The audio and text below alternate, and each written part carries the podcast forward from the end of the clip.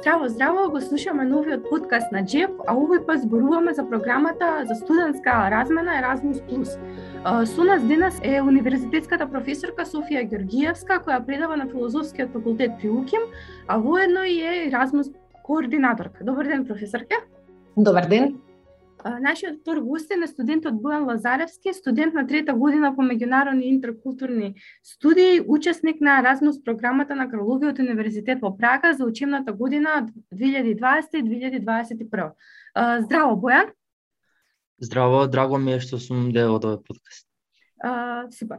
А, фала. А, би започнала со професорката Георгиевска за најпрво да зборуваме за студентската програма, односно што е Erasmus+, што им овозможува програмата на студентите и во рамките на високото образование.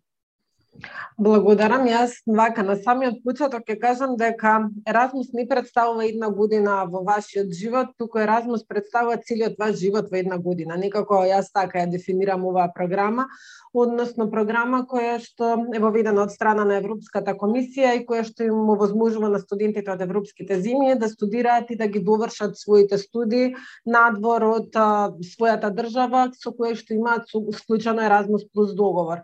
А, на вистина сметам дека оваа програма представува одлична можност да искористите од 3 до 12 месеци во друга европска земја, а со тоа нели студентите да го надоградат степенот на учење, да стекнат искуство со нови култури, нови начини на живење кои што ќе им помогнат да стекнат нови пријателства и ја што би рекла да а, не стои процес на осозревање да станат возрастни личности без поддршката која што ја имаат од дома. Со еден збор некако сметам дека оваа програма е на вистина го развива мултикултурализмот и освен бенефитите кои што се однесуваат на студирањето, ги проширува видиците на студентите.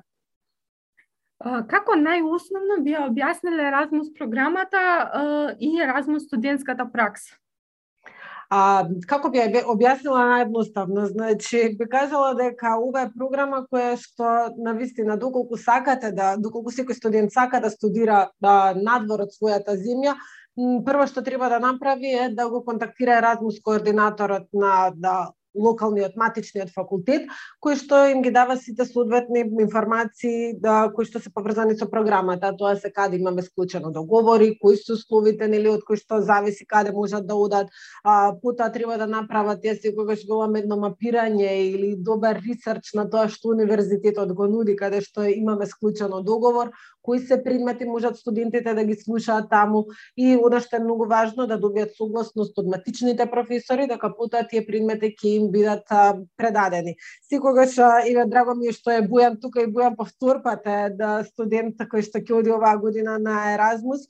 Ја секогаш но ние први средби со студентите велам доколку сакате да да аплицирате за Еразмус програмата, потребно ви е само еден ден да на вистина се потрудите да направите добро истражување, а потоа да нели професорите ви се подпишат. Меѓутоа бенефитот од тој еден ден кој што нели убаво ќе го искористите, ќе трае понатаму цел живот затоа што стекнувате многу нови пријатели, стекнувате учите за нова храна, учите за нови култури, учите за земји кои што а, многу а, веројатно и дека никогаш може не би ги ставиле на мапа дека ќе ги посетиме, а сега сретнуваме студенти кои што се од тие земји кој се може да учествува на оваа програма и дали има некои предуслови при аплицирањето? Значи, во рамки на оваа програма можат да учествуваат сите студенти кои што ја слушале првата година, а, значи треба да имаат нели во, оној период кога се аплицира, тоа е во текот на септември и октомври, треба веќе да имаат запишано трет семестар на да треба да го имаат запишано третиот семестар. Останати предуслови се познавањето на англискиот јазик како јазик на кој што ќе се изведува програмата или пак на некои од другите локални јазици на матичните универзитети како германски, шпански, португалски, холандски или во зависност од тоа каде одат, а се нудат можности за студирање на тие јазици. Дополнително е важно да имаат препорака од професор на кој што студирале. Просекот, јас секогаш велам за мене не е клучен фактор, бидејќи многу други скилс ми се поважни кога треба да провериме, нели, кога треба да испратиме студенти кои што таму пак се репрезент на нашиот факултет и на универзитет. Меѓутоа, сепак, нели, при а, рангирање на студенти кои што може би се избрале ист факултет просекот е оној кој што а, е присуден за да се а, за да се нели избере студентот кој што ќе практично ќе биде оној кој што ќе патува на тој универзитет. Меѓутоа секогаш постои компромис. Јас си тука велам најдобре вие помеѓу себе затоа што имаме факултети каде што имаме договори за две места, факултети каде што имаме договори за едно место, најдобре е нели помеѓу себе студентите самите да се договорат на кој факултет ќе аплицираат за потоа да немаме можност ние тука да ја правиме елиминацијата, туку во самиот старт да бидат сите со иста стартна основа. Така.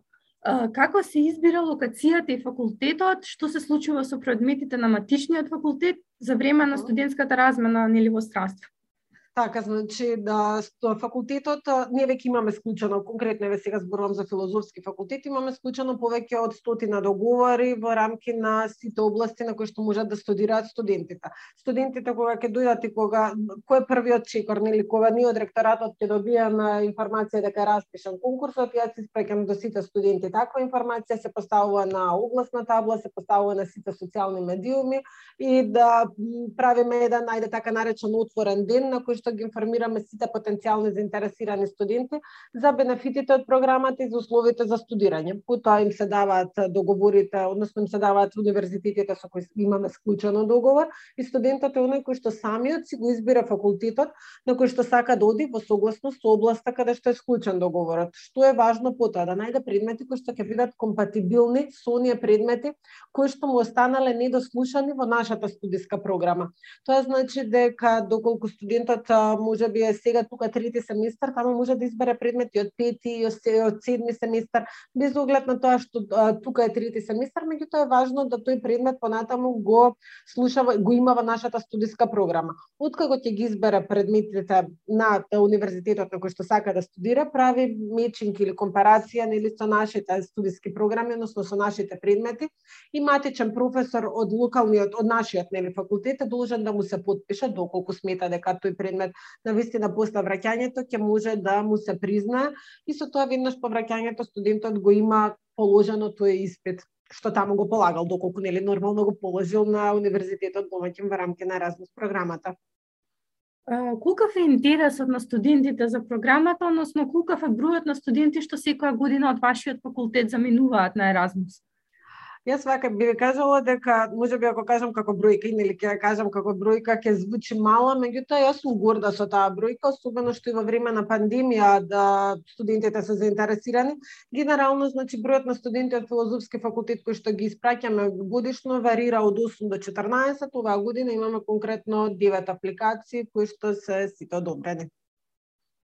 А колков е бројот на студентите кои од друга страна, односно од други градови и држави доаѓаат во Скопје на Еразмус? Е, тука е да веќе имаме малку поголем проблем, односно тој број некако е многу помал од колку на оне на студенти кои што заминуваат, Значи, пред последната година, пред, пред три години пред пандемијата, имавме петорица студенти кои што беа дојдени. Тоа се најчесто студенти на втори или на трет циклус студии, додека многу поредко се студенти кои што се од прв циклус студии, бидејќи тие се должни да имаат нели менторски часови со предметниот професор на англиски јазик. А од друга страна пак имаме интересно дека имаме доста Став тренинг кој што сака да доаѓа, тоа се административен кадар и доста професори од странство кои што се така се заинтересирани да ја прават тука да, својата мобилност како Erasmus visiting професори. Меѓутоа, она на што треба на вистина да работиме е да ги промовираме нашите програми надвор и да го зголемиме бројот на incoming students од европските земји. Буја повтор пат ќе учествува на Еразмус, па моето последно прашање за вас е колку пати може да се учествува нели на Еразмус во склоп на студиите? Значи, во склоп на студиите, студентот може да искористи од 3 до 12 месеци. А, така што, да, ако искористил еден семестар, има право да користи уште еден семестар, со тоа што да, уште на самиот почеток му кажуваме на студентот, така беше и со Бојан, дека доколку мислите, без оглед на просекот и без оглед на тоа дали може би да еден од подобрите студенти, а предност имаат оние кои што до сега не ја користеле програмата, а доколку постои простор, тогаш заминуваат оние кои што веќе ја користеле програмата. За среќа, значи овој пат имаше простор, така да Бојан повтор пат не може да користи да да ги користи бенефитите од оваа програма. И веројатно тоа е доказ колку нели студентите се задоволни од истата што по повтори пат го бараат тоа, меѓутоа за тоа веројатно повеќе Бојан ќе ви каже. Ви благодарам, професорке, за вашите одговори. Се префрлам на Бујан. Здраво, Бујан, ти како студент преку Еразмус бриша на студии во Прага. Ке ни раскажеш ли како дозна за Еразмус и зошто се одлучи да аплицираш?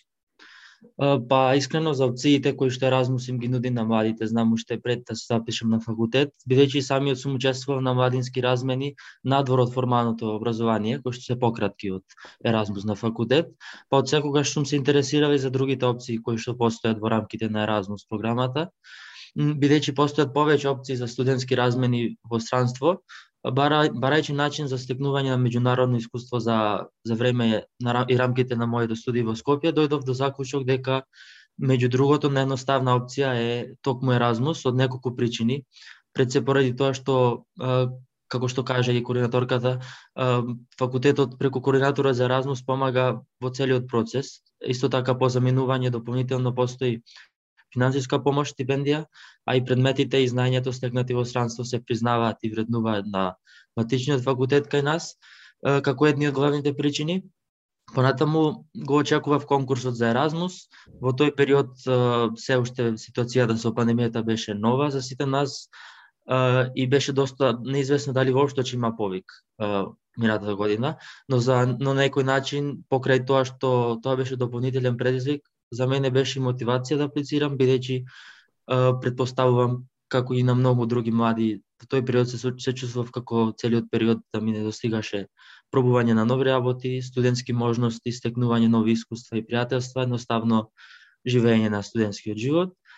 аплицирав бидејќи според мене во денешниот свет каде што постојат многу можности за млади, особено за младите, потребно е ти да се искористат, да се учествува во нив, бидејќи може да бидат корисни за секој студент. И секако сакав да видам од прва, од прва рака да го искусам образованието во една друга европска земја, каде што потоа би можел да направам споредба, да стекнам нови пријателства и секако да станам понезависна личност. Дали посетата во Прага и Карловиот универзитет ги исполнија твоите очекувања, односно кои се твоите печатоци од целото искуство, имајќи предвид дека нели беше во на студии во Прага во екот на пандемијата? Така, е, со Еразмус бев во Прага на студирав политички науки и меѓународни односи на Карловиот универзитет, на факултетот за општествени науки, кој што вреди да се напомени дека е универзитет со највисок ранг во Централна Европа и доста висок во Европа и светот.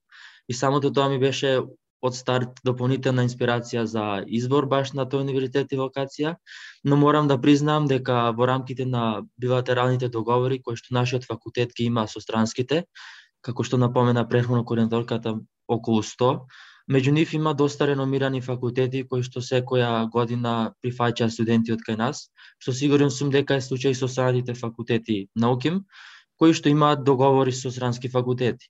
Изборот не беше лесен, разгледував уште неколку опции, но на крајот предметната програма и моите интереси беа едни од главните пресудувачки фактори. Во глобален размус ги исполни дефинитивно моите очекувања, но и ги надмина истите за тоа како еден Еразмус би изгледал воопшто, но особено за време на пандемија. Таму имав можност да запознам студенти кои што и предходно биле на Еразмус пред пандемијата, кои исто така беа многу задоволни но ја сете појдов со мислата дека ситуацијата е насекаде слична, дали ќе бидеш во Македонија, Чешка, Шпанија, пандемијата беше секаде присутна, така што бев сигурен дека сакам да одам. Од друга страна, иако наставата беше целосно онлайн, одлучив сепак да се преселам во Прага, таму да ја следам наставата, што мислам дека не беше воопшто грешка. Таму најдов доста други студенти во слична ситуација. Е сега бирократските и административните обврски кои што јунака може да изгледат доста комплицирано, беа отежнати за време на, на таква пандемиска ситуација, но верувам дека во иднина состојбата за ините студенти ќе биде поедноставна. Но онлайн студиите беа нешто ново за нас, со влошување на ситуацијата за време на зимата постоеше неизвестност дали воопшто ќе има разум студенти и за начинот на одржување на програмата, што сепак испана да се одржи во онлайн формат, и со можност за следење од дома или таму. И со студиите онлайн, на вистина, иако беа онлайн студиите, на вистина се стекнав со доста корисно искуство и знаење.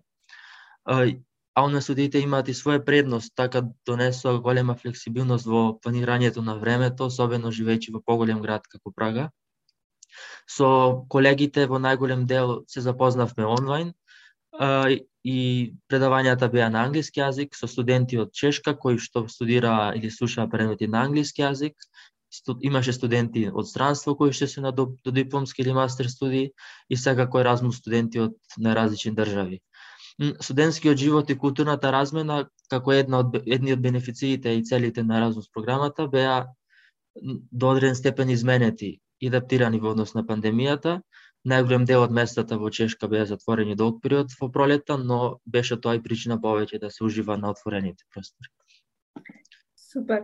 Оваа година ти повторно аплицираше за Еразмус, па сакам да те прашам што ти инспирираше нели за повторна апликација и кои а, факултети локација ги избра овој, па дали може би Прага или нешто друго? Така. Веќе психички и административно се полека се подготвувам за вториот Еразмус и сите работи кои што треба да се заминат, да се завршат пред а, за, заминување. Во однос на мојата а, а, јас би рекол позитивното искуство од минатата година ми беше главна инспирација и фактор а, да аплицирам по втор пат и самата можност дека е може да се аплицира по втор пат, иако шансите се помали за нели да се биде номиниран по втор пат, имав среќа повторно да бидам номиниран од нашиот универзитет самиот факт, мислам, што аплицирам по втор пат, укажува на тоа дека сум задоволен од првото искуство. За време на мојот Еразмус во Прага запознав доста студенти кои што покрај тоа што беа на еден семестар, беа заминати и на два или пак беа, односно цела година, или пак беа веќе вратени по втор пат. Па задоволство ми е да видам еден таков пример во иднина. Во однос на изборот и вокацијата, овој пат ги избрав истиот универзитет и вокација Исто така поради тоа што сум задоволен како беше целокупното искуство минатиот семестар и поради сличностите со предметната програма кај нас. Најголемиот предизвик при аплицирање на Размус сушност е да се најдат компатибилни предмети со некоја предметна програма на странскиот факултет и мислам дека доколку студентите немаат дефинирано каде сакаат да аплицират, ова е добар начин да ја најдат својата идеална дестинација за аплицирање Некој ме советува за втор пат да изберам нова локација, што е секако добра идеја, но сметам дека одењето на иста локација исто така има доста своји предности. А, како за крај, што би сакал да им порачаш на студентите што се заинтересирани за Еразмус, што би им кажал, зошто да аплицираат на оваа студентска програма? Mm -hmm. Па да аплицираат пред се поради сите позитивни придобивки од ваквата програма ги има многу, односно учество одење на одреден период студии во странство, студентите имаат можност да развијат да се развијат на лично и професионално ниво, да ги прошират своите хоризонти, и знаења, да добијат инспирација, мотивација, да станат поодговорни личности, понезависни, да се стекнат со пријатели од цел свет, понатаму да ги вежбаат тие јазици што веќе ги знаат, да учат нови, да посетат многу нови места и така натаму листата може да биде многу долга. Мислам дека важно е да се знае дека Еразмус не е само студирањето, туку и целиот социјален и културен аспект што го носи живењето во нова различна држава и култура, бидејќи токму тоа е и важен дел од целата идеја за ваквите размени на студенти. Секако студирањето има доста важна улога, но сите овие работи треба да дадат заедно за размената да има да биде максимално искористена. Иако некогаш може би е тешко да се напушти комфортната зона и, и целиот процес на аплицирање и заминување во една нова средина може да биде стресен и предизвикувачки. На крајот на вистина вреди и на вистина ги охрабрувам сите кои што се студенти, кои што имаат можност да размислат, да размислат за ваква опција. И за крај би рекол дека и прибарањето на локацијата да не се затворат многу со еден стриктен избор. Јас, на пример, прво сакав да аплицирам на факултет во Шпанија, знае координаторката колку прашував, или пак судиите да ми видат на шпански, но на крајот сите со сите околности испадна да додам во Прага и навистина од како заминав не ни размислував за некоја друга опција како би било. Така што би им препорачал на студентите дека за Еразмус која локација да изберат без разлика дали тоа ќе биде град на море, на планина, на река, мал или голем, близко, далеку, каде да изберат искуството ќе им биде корисно, а за почеток најважна е само мотивацијата и желбата и сметам дека понатаму се друго може се постигне да се успе. Ти благодарам Бујан за одговорите и воедно сакам да се заблагодарам за вашето гостување на тебе и на професорката Георгиевска и се надевам дека вашите одговори ќе ги поттикнат студентите да се охрабрат или да се пријават на оваа студентска програма. Тука некаде и завршуваме со новиот Джеф подкаст. Ви благодарам уште еднаш за гостувањето, а со вас слушателите се слушаме во некоја наредна Джеф прилика. Чао, чао. Чао, чао. Овој подкаст е изработен со поддршка на Erasmus Plus програмата на Европската Унија. Ставовите и содржината во овој подкаст се на соговорниците и не ги представуваат Унија на Европската комисија.